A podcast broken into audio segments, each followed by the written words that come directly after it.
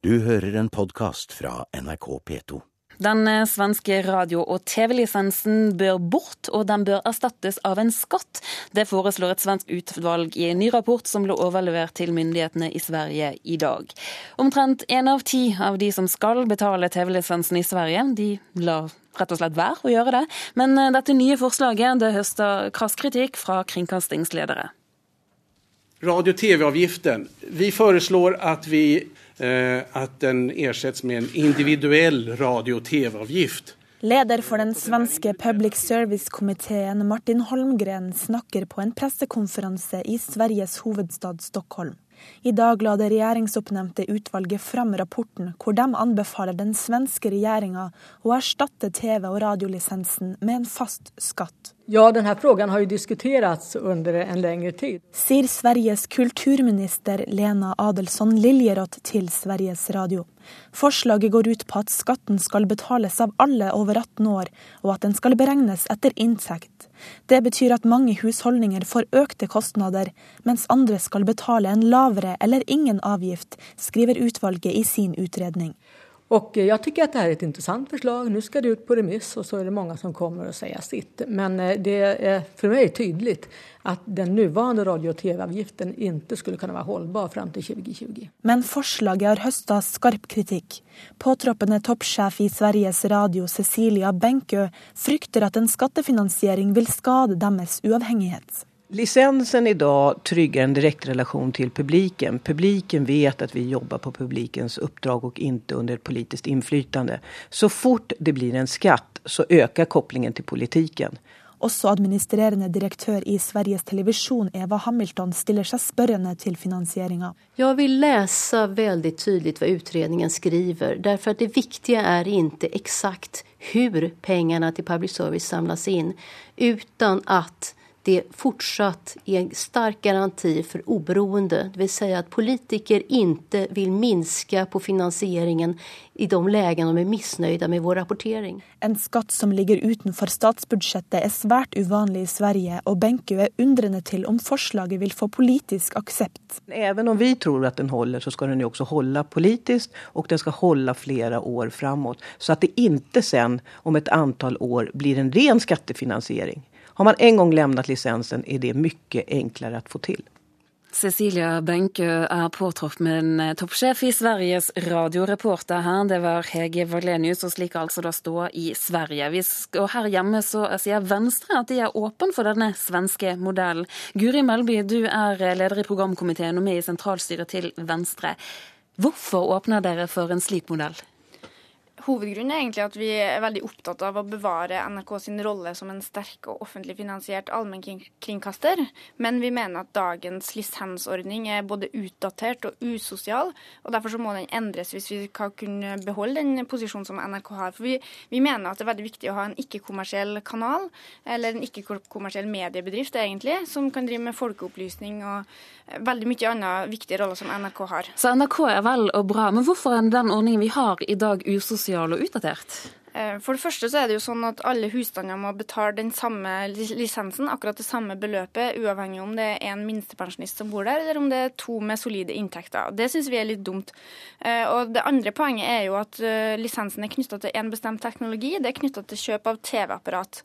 Og NRK leveres jo i dag på mange plattformer, både TV, radio, nett, og folk bruker stadig nye teknologiske plattformer for å bruke NRK. Man hører på radio i bilen, eller man ser på iPaden sin, eller leser nyheter på mobilen eller nett-TV. Eh, og jeg tror at selv om de fleste i dag eier et TV-apparat, så tror jeg det kommer til å endre seg ganske kjapt. Eh, og da kan faktisk vi risikere at finansieringa av NRK svikter. Eh, og Derfor så er det viktig at vi ser på måter å fornye ordninga på. Vi skal spørre Erik Sivertsen, du er stortingsrepresentant for Arbeiderpartiet. Hva synes du om en TV-skatt i Norge istedenfor lisens? Ja, nå er jo vi opptatt av å fortsatt ha et uh, sterkt NRK, uh, fordi at det er et bredt og mangfoldig norskspråklig tilbud på radio, fjernsyn og nett. Så sterkt NRK, det vil dere begge ha? Det er vi, det er vi enige om. Og så mener jo vi at uh, lisensfinansieringa er en riktig måte å finansiere NRK på, i hvert fall for, for øyeblikket. Og da er jo ikke NRK offentlig finansiert, men det er tvert imot finansiert av brukerne av NRK. Fordi at For oss så har det vært viktig å holde en armlengdes avstand mellom eh, politiske myndigheter og NRK. og Vi mener det at NRK sjøl kan kreve inn en lisens, eh, er en garanti for det. Det vil jo fort være fristende å begynne å kutte borti skatter og avgifter som finansierer det her, hvis man la det inn på, statsbudsjettet som enhver annen skatt. Men Du sier at det finansieres av brukerne, men det som er realiteten er jo at det finansieres av dem som eier TV-apparat. Og vi vet jo at særlig de unge Eh, bruker NRK sitt tilbud på en helt annen måte. Veldig mye av de nye TV-programmene som NRK lanserer retta mot ungdom f.eks., blir jo sett aller mest på nett. Og det vet vi at det gjøres på andre måter enn TV-skjermer. Eh, men det er kanskje ikke så uvanlig at Arbeiderpartiet ikke evner å se så veldig langt fram i tid. da. Eh, men jeg mener jo at de bør litt, bekymre seg litt for at finansieringa av NRK kan svikte på dette grunnlaget. Ja, nå deler vi ikke den oppfatninga som Melby har om Arbeiderpartiet. Tvert imot så har vi vært opptatt hele tida av å bygge landet i langsiktige perspektiver. Og da er Det sånn at det er mindre enn fire år siden Stortinget eh, drøfta lisensens framtid i lys av den teknologiske utviklinga i forbindelse med en stortingsmelding som het 'Kringkasting i en digital framtid'. Og Den meldinga konkluderte med å videreføre den eksisterende lisensmodellen med noen justeringer og tiltak for å redusere antallet 20-seere. Og det, det, har jo ikke skjedd noe sånn grunnleggende nytt som rokker ved konklusjonene i den meldinga. Og det er et viktig poeng her, ikke sant, at den teknologiske utviklinga har faktisk ikke svekka lisensinntektene. Og I 2011 så forventa vi altså at antallet lisensbetalere til å være 150 000 flere enn i 2003. Og det til tross for at teknologien trolig har gjort det lettere for å omgå avgiftsplikten.